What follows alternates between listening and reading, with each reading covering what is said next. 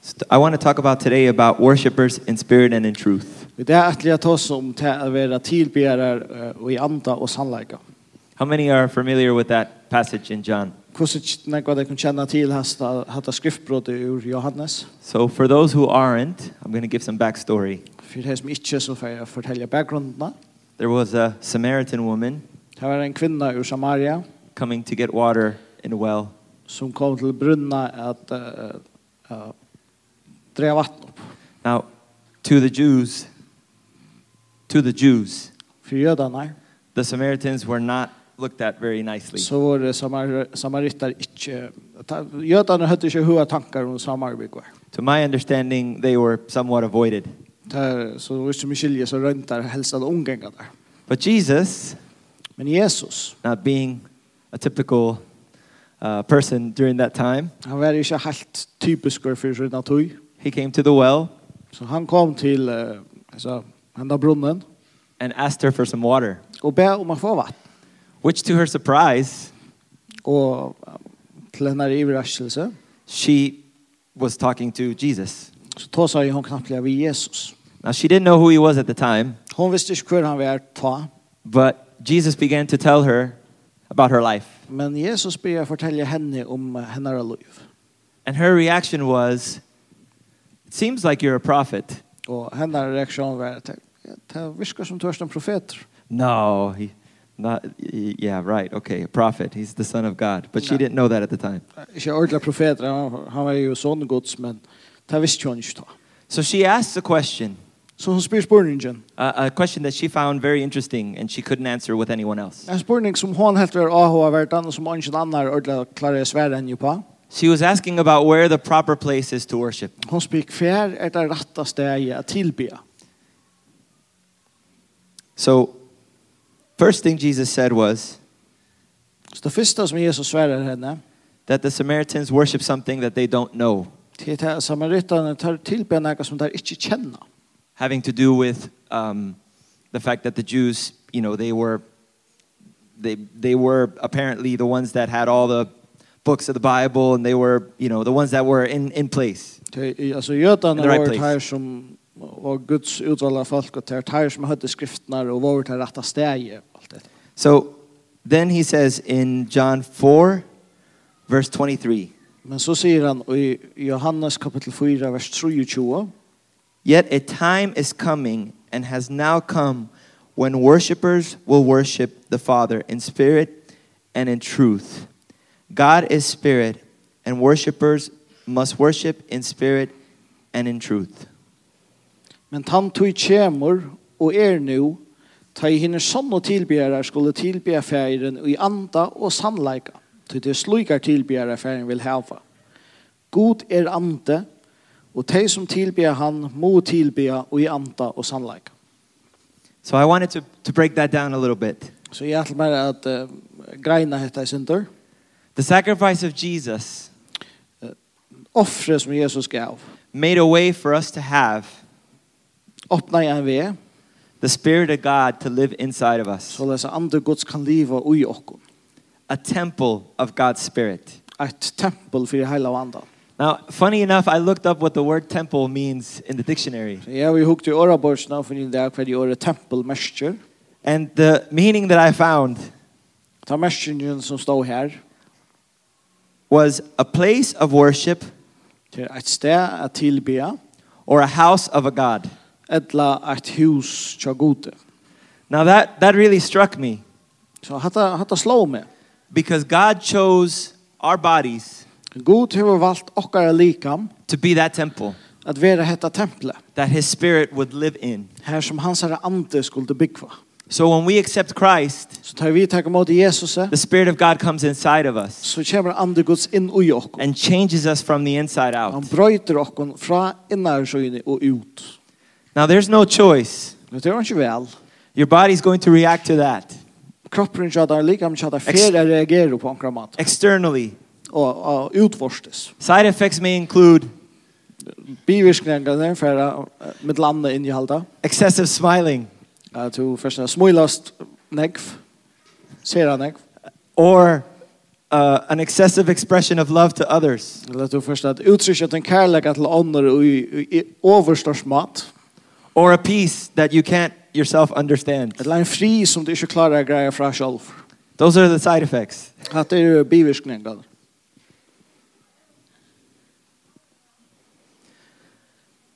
So we come to church to worship together, Så vi kommer i samkomna för att tillbe samman. but our very bodies is the worship place of our God. Men lika mycket åken är stäget här som åker är god för tillbe. It's not a building, Det är inte en byggningar. it's not a time of the week. Det är inte ett tuschpunkt i vikene. Our bodies is the temple of the Spirit of God. Lika åker är templet till det livande gode. In places where people can see you, Här som folk suttar det.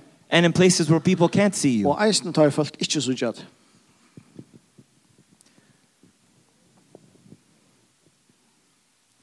For me, I can remember a lot of times För mig så minns det nekvar uh, löter, on my own ensamhandler. worshiping God. Här är jag tillby god. Now, my dad was a really great example to me. Papp må vara en god firmynd för mig. And when I was younger, he would read the Bible to me Jag tar ju var yngre så läser han bibeln för mig. almost every night. Nästan först kväll. Then, when I got a little older, I started reading it myself. Så när jag blev äldre så började jag läsa själv. I felt like it was something important. Jag visste att detta var också som var eh, tydningar mycket. I really enjoyed Proverbs and Psalms. Och med de det så starkliga väl åratutschne och solmanar. I enjoyed Proverbs because when I was younger, Med de det särskilt väl åratutschne du tar ju var yngre I had horrible teachers, så hej ringar lärare and I was told I was not too bright. og har fortalt meg at jeg ikke var særlig smarster. So I figured, "Pro- Proverbs, maybe that will help. Så jeg leser åretøysene og husker kanskje til for å hjelpe. There's lots of wisdom in here. Jeg har noen visdommer i her.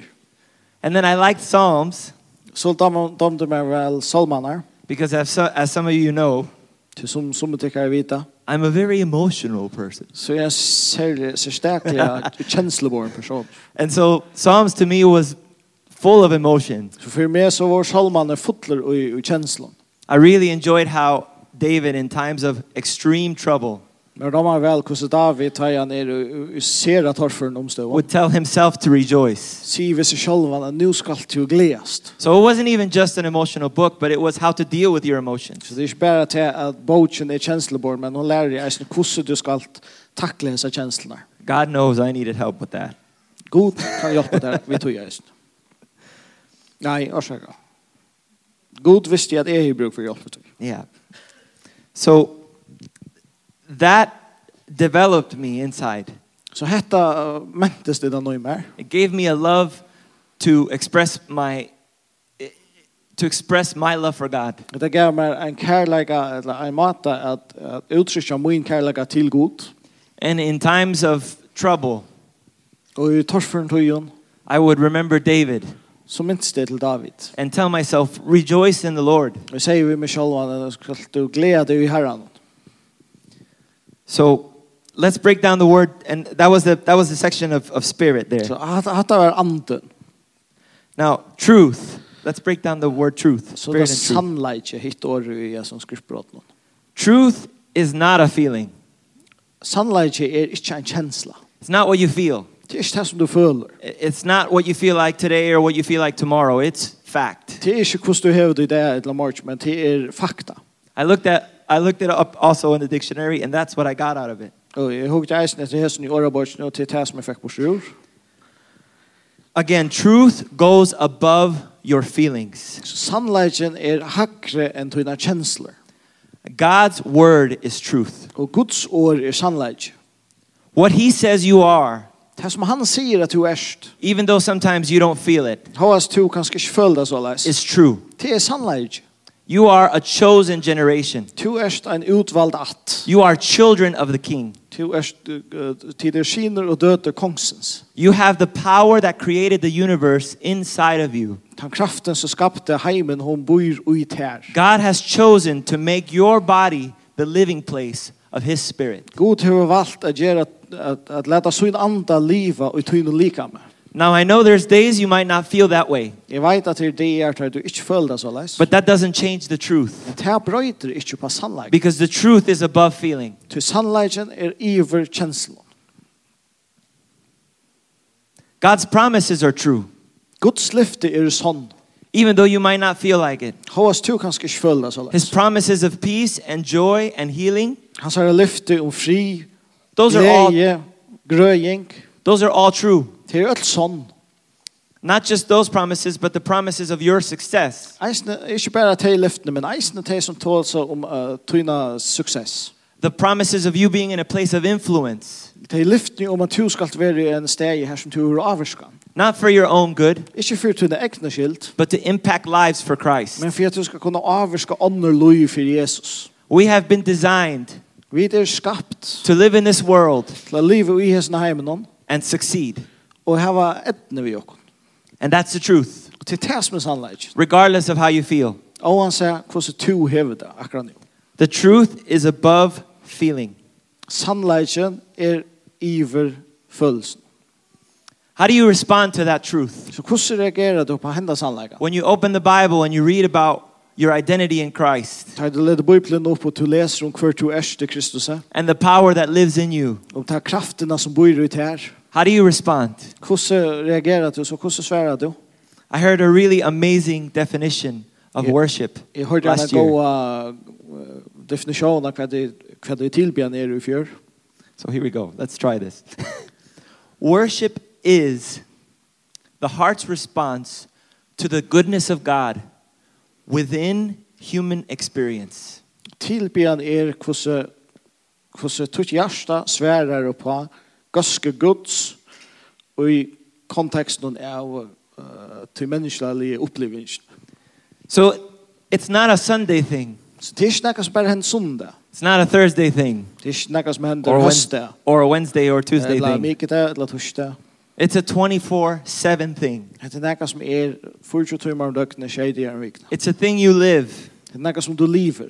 It's a thing that's inside of you Det er noe som er ut her, that shows som viser to others. øren, But we have to be aware of this. eller som andre suttja. Men vi må være værende av Jesus.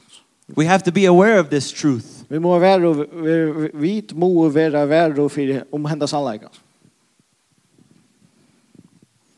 We don't look at ourselves in the mirror and forget what we look like, do we? Vi tidsjer ikke spektelig og glemmer hvordan det ser ut, eller hva? Sometimes we need to be reminded though, so we have a mirror handy. Angstøy må vi være mynt av det, så vi har spektelig tja og angstene.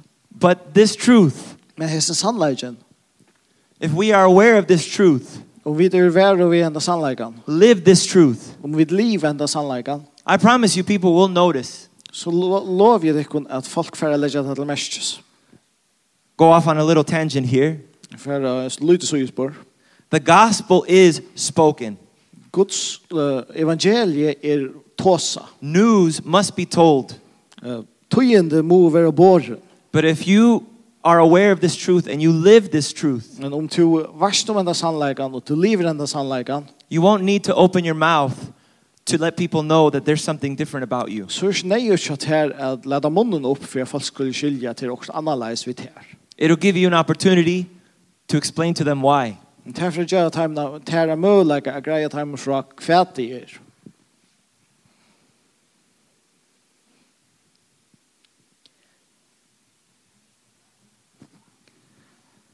Now, we feel God.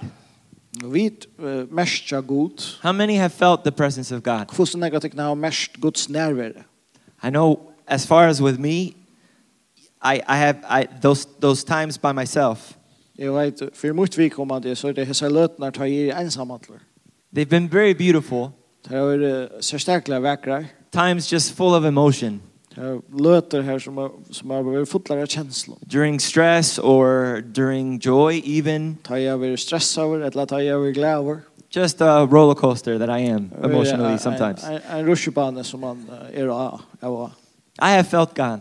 Jeg har mest god. And sometimes I haven't felt God. Er det tog jeg så mest ikke And I've god. cried out and I've called out. Og jeg råper jo til god. And it feels like He's not responding. Og Det virker som han ikke sverer. But you know what? He's always been faithful. Men han har alltid vært trofast.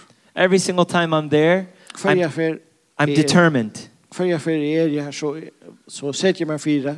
that if I need something from God personally, At om jeg har bruk for omkring fra gode, I'm going to be there until I get it. så skal jeg være her inntil jeg får det. Now, it's not that God wants to make us wait or make us feel uncomfortable. Det är inte god inskja vi skulle boja eller eller vi rädla vi. I think, honestly, Jag håller helt ärligt that it's because the truth remains, att det är tog jag sannoliken er han värre vi whether we feel it or not. och han säger om vi mästar det lite. But it can be felt. How many agree with that? Men onkel då är så mästar vi det.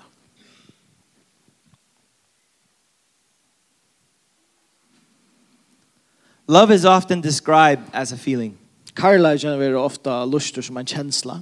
but it's not so often described as a choice, Men det är inte så ofta lust som är ett väl.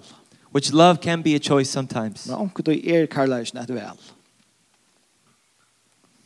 And so that choice for me to sit there Så det här välet som jag har och det ta ta ta som er ta jag välja att sätta mig. regardless of how I feel. Lukar mycket hur jag har det. God, I have determined myself God jag har sett mig för det. to love you Att älska till. no matter what happens or no matter what I feel. Lukar I mycket love you. kvärt händer. Lukar mycket hur jag földa så älskar jag till. I promise you that in that attitude, Om er det här är tunn huggborre så you will lovar jag. never feel like you need anything from God. Förstå ångar det att ha att känsla att här törvar några frågor. God. Because the truth is, God is faithful. Till sannleisen er at god er trofast. He's faithful no matter how you feel. Han er trofast og lykka mykje hos to følg. He's faithful no matter what you're going through. Han er trofast og lykka mykje hva to først i djøkken. God is faithful. God er trofast. That's not a feeling, that's a fact. Det er ikke en kjensla, det er fakta. Let us hold fast, choose to, Så la dere halda fast, la dere velja to hold on to that truth at halda fast um om hendas anleggen. and His Word. Og hans er år. Worship God with all that is in you Tilby god vi ötlån som er ut her. because of His goodness to us. Årsaka av hans er gøske mot rokken. What does that look like? Hvordan ser det her ut? To worship God with all your heart, with all your soul, with all your mind. Hvordan ser det ut at tilby god av i alle hjertetøyne, alle sjaltøyne, alle styrketøyne? That was when Jesus was asked what the greatest commandment was. Det var det som Jesus sværer til han ble spurt om hva er det største bøy. The first one was to love your God, to Yes. love God Fyrsta til at elska god with all your heart, your soul, and your mind. av alle hjertetøyne, av alle sjaltøyne og vi alle styrketøyne. What does that look like from the outside? Hvordan ser det ut fra, fra øren? I guarantee, I guarantee that your body will show that action. Jeg kan garantere dere at tøyt lika for å vise hvordan det ser ut. You cannot do something with all your heart, with all your mind, with all your soul, and your body not say anything or do anything. Og du, du kan ikke gjøre noe vi alle hjertetøyne, alle styrketøyne, alle sjaltøyne, utan at det sasta lika. I feel like sometimes we might hesitate. Anker du så halte jeg vidt halte atter. Maybe there's a slight discomfort. Kanskje jeg vet ikke er det helt uh, ekvelig vet det. I believe that that's normal Jeg halte det er vanligt. because when you do something with all your heart, with all your mind, with all your soul, Det er just akkurat vi alle, alle, alle hjertetøyne, alle sjaltøyne, alle sinnetøyne. to me, the picture I see is a picture of lack of control. Du tar ta mindre som er feil til at det er anker som ikke er i kontroll. Have you seen those uh, crazy soccer fans that paint their faces? Til det å se så er fotbollsfjepparene som maler anlitt. How many know what I'm talking Og about? snakker vi det hva det er om. Those guys are doing it with all their heart, all their soul, and all their mind. Tar gjør det av alle hjertetøyne, alle sjaltøyne, alle sinnetøyne. It's not composed or organized in a way. Det er ikke noe som er arrangerer på noen måte. It's to lose complete control in God's Til presence. til at missa fullkomliga temaer alltid og i Guds nerver. to lose yourself. At missa seg själva en bort. Now, if you have never experienced that, Til du kanskje ånga du opplever det. it really makes me sad. Så, så ta, ta gjør meg kjettan. Because for me personally, that's my favorite way to worship God. Til det er fyrir meg, det er mye favorittmat jeg tilbyr god. And sometimes, I'll be honest, on a Sunday morning, Og ånga du, nå skal jeg være helt ærlig, sånn måneder, my head is full of things during the week. så er høttet som er fullt av ting som er hendt i kjøkken alle vikene. And I have to tell myself, Og jeg må hey, si av meg självan. Let's worship now. Kom, nu får vi det tilbe. Now, it's a daily thing, Tera, en, en daglig avgjør. but I'm just being practical. Men nu rønner jeg å være praktisk. I don't always feel like that when I come in on a Sunday morning. Jeg føler ikke alltid da jeg kommer i en sånn morgen. How many how many can understand? Hvordan kan du komme It's like the last day of the week. day. Dagsens, vi, sørste dagen i You viken. might have had a crazy week, Du har kanskje haft en uh, halvløgna vike. and especially if you have a big family, it, sometimes it's hard. Selv om du har en stor familie, så kan det være torr først. But the truth of the matter is, Som en sannleggen er. God wants us to be worshipers in spirit and in truth. God vil at vi skulle tilbe og i anda og sannleggen. And sometimes it might be easier than other times. Og ångte er det lettere enn ære tøyer. But the fact is, just like love, Men sannleggen er at akkurat som karlægen, sometimes you have to make a choice. så måste ångte velja. Um But the interesting thing about that is Ta avhåver det til er. that the Bible says, Draw near to me, Bib- Bibelen sier at ta i tid halda deg nær til moin, and I will draw near to you. så skal jeg halda meg nær til tikkar. When we jump in in both feet, Ta i vid With both feet. løype og duita, God jumps in with both feet. så løype god eisen og duita. And the Wow. result is life changing, Og, og urslit er luftsbrøydant. not just for yourself, Ikke bare for te, but for your city, men eisen for bojen, for your job, for starve ikke der, for your friends, for vinnet tøyner, and most importantly, og tuttinga mest av ødlom, for your family. for tøyna familie. That's the change. Te er brøydingen.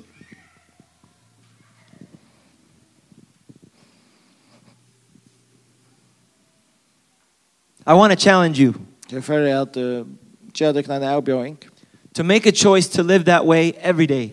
Det kan jeg avgjør om å um liva så leis kvende. It's really not easy. Det er ikke latt. It's not easy, Det er, det er ikke latt. but it's definitely possible. Men det er møvlet. And it is honestly the way we were designed to live. Og det er så leis som vi er skapt til å liva. Life looks different with that lifestyle, with a lifestyle of Livet ser worship. annerledes ut til man hever handa livsstilen, en en livsstil av tilbyen. There's so much color Her er så noe liter, and so much beauty, her er så noe verkleidje. even in the midst of trouble, Mitt ui trobleikene, even in the midst of gray. mitt ui du groa, Life becomes different så vil livet annerledes. when we make a choice Ta vi to taka- worship God with all of our heart, all of our soul, and all of our mind. Ta vi takka seg avkjøren om å tilbya god vi atlar okkar, at- av atlar hjärsta, av atlar styrke, atlar sjal okkar. Daily. Kvann det. Now, some days it's really, really easy. Onkra det er det ordentlig latt. So it's not all the time an uphill battle. Så det er ikke alltid så løs at vi ganger motbrekkene. In fact, when it becomes a habit, Men ta det blir en vane, it, it gets easier. så blir det lattere. It's beautiful because you begin to include God in your day. Det er vekkert til at du blir at takka god vi og i dagligdagen kjall. It's not something that you're just walking through on your own. Det er ikke noe som du bare gonger i jøkken ensamall. Mentally and emotionally, you're connected to the Spirit of God. Mentalt og kjenslelig så er du knytter at andre gods. And you begin to hear God's voice Du blir høyre rødt gods. clearly. Klost. And He speaks. Han tåser. Being a Christian is a relationship. Jeg er en kristen til at hava et forhold. Relationships are not one sided, Forhold til er ikke ensujo. relationships are two sided. Forhold til er... You can't have a relationship with one, with one person by themselves, En person kan ikke hava et forhold til ensamall. it's a connection to someone. Det er samband vi Or something. grann, eller vi okkurst. So we have faith, Så vi tar trygg, we have the truth, vi tar sannleggen, and we hold on to those things. og vi tar halda fast i disse tingene.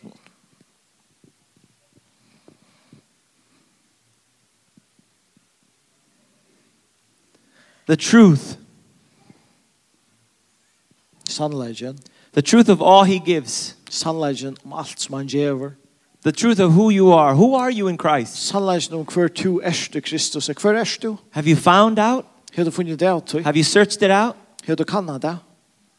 Look, look, look for it. Leit etter du. Read what the Bible says you are. Les hva Bibelen sier at du erst. What, what are the things that God, what are the promises that God gives? Hver er lyftene som god til å give.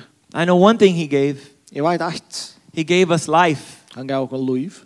He gave His Son. Han gav oss solene. If He gives His Son, Han gav oss sånnsyn. what would He hold back? Om han gav oss sånnsyn, hva for han så at halda What, atter? what would He hold back? Hva for han så at halda atter? Nothing. Onk.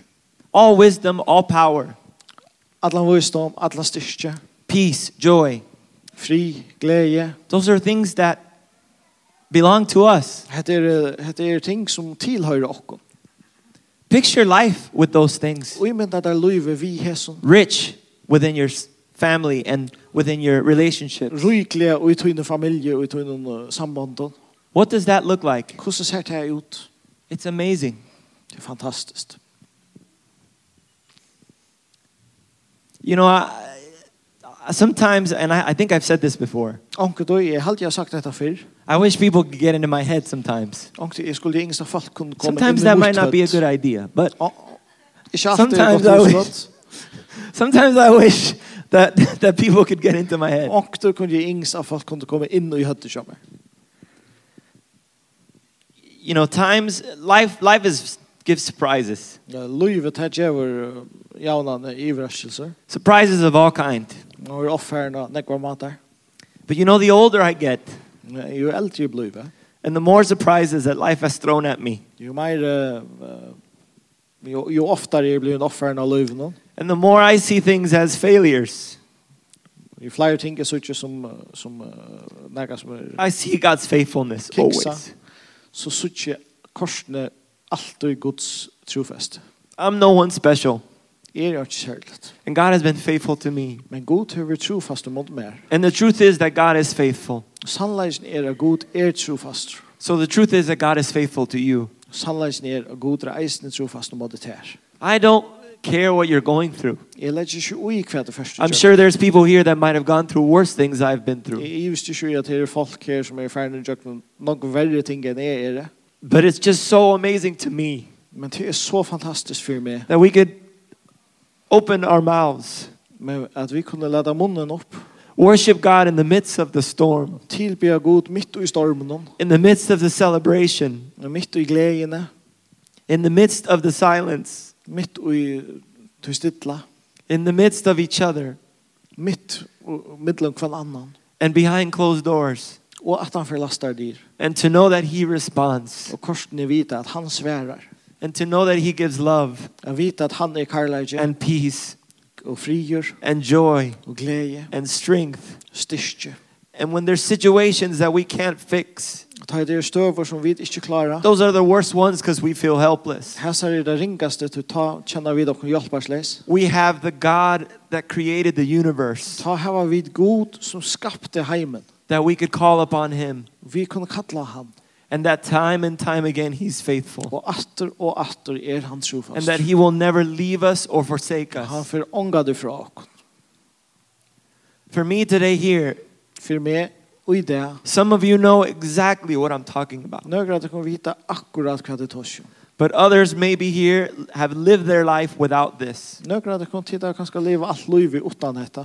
And today is an opportunity Og i det er en mulighet for you to know this God, til at her at møte hesen god. the God of grace, Hesen nærryka god. the God of peace, Hesen god som gjør fri. the God of joy. Hesen god som gjør Now glede. you might sit here and think I'm not really a religious person. Du sitter kanskje her og sier, jeg er ikke en religiøse personer. This is not necessarily a religious thing. Men det er ikke noe religiøst, du er lagant. This is real. Det er verleik, This is fact. det er fakta, This is true. det er sannleik. There's nothing that can be said Det er ikke som kan være sagt, to take away what I've seen, smelt, touched som and heard. tager bort det som er å se, smakka og norsk i. My experiences no one can take away. Andre kan taga mine opplevingar bort. No one can convince me that they were fake. Andre kan samføre meg om at det som jeg har opplevd var falskt. So I'm here today to tell you Så jeg er her i det for jeg sier, there is a God til er en god. and he loves you Han elskar det. and he has a plan for your life Han er en atlan ved tunn løyve. and that plan is for good and not to harm you. Hans er atlan, hendan atlan er for det goa. og ikke for det emotionally skadliga. or sp- or spiritually. Eh, kjenslelige og andalige. And that plan is to prosper you Hvis anda heta atlan er at du skal ha framgångt. and to give you a future. Men gjør at det er en framtid. That's what the Bible says. Det er det som Bibelen sier. That's what the Word of God Det er says. det som år Guds sier. And the Word of God is true. Og år Guds er sannleik. It's not a lie. Det er ikke likt.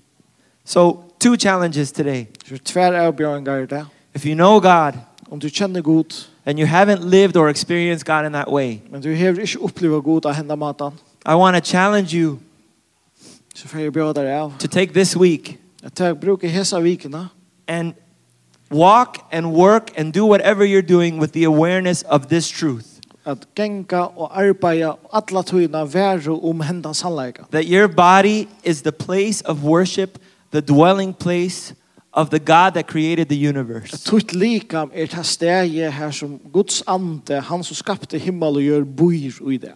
And number two, Nummer två, if you don't know this God, om du inte känner denna god, I pray that you come up to one of the prayer people today så be om att du kommer upp till en av dem och i bönartjänsten and ask them about how, how you do to come to know this God. Spyr dig om hur du kan göra för att komma känna henne god.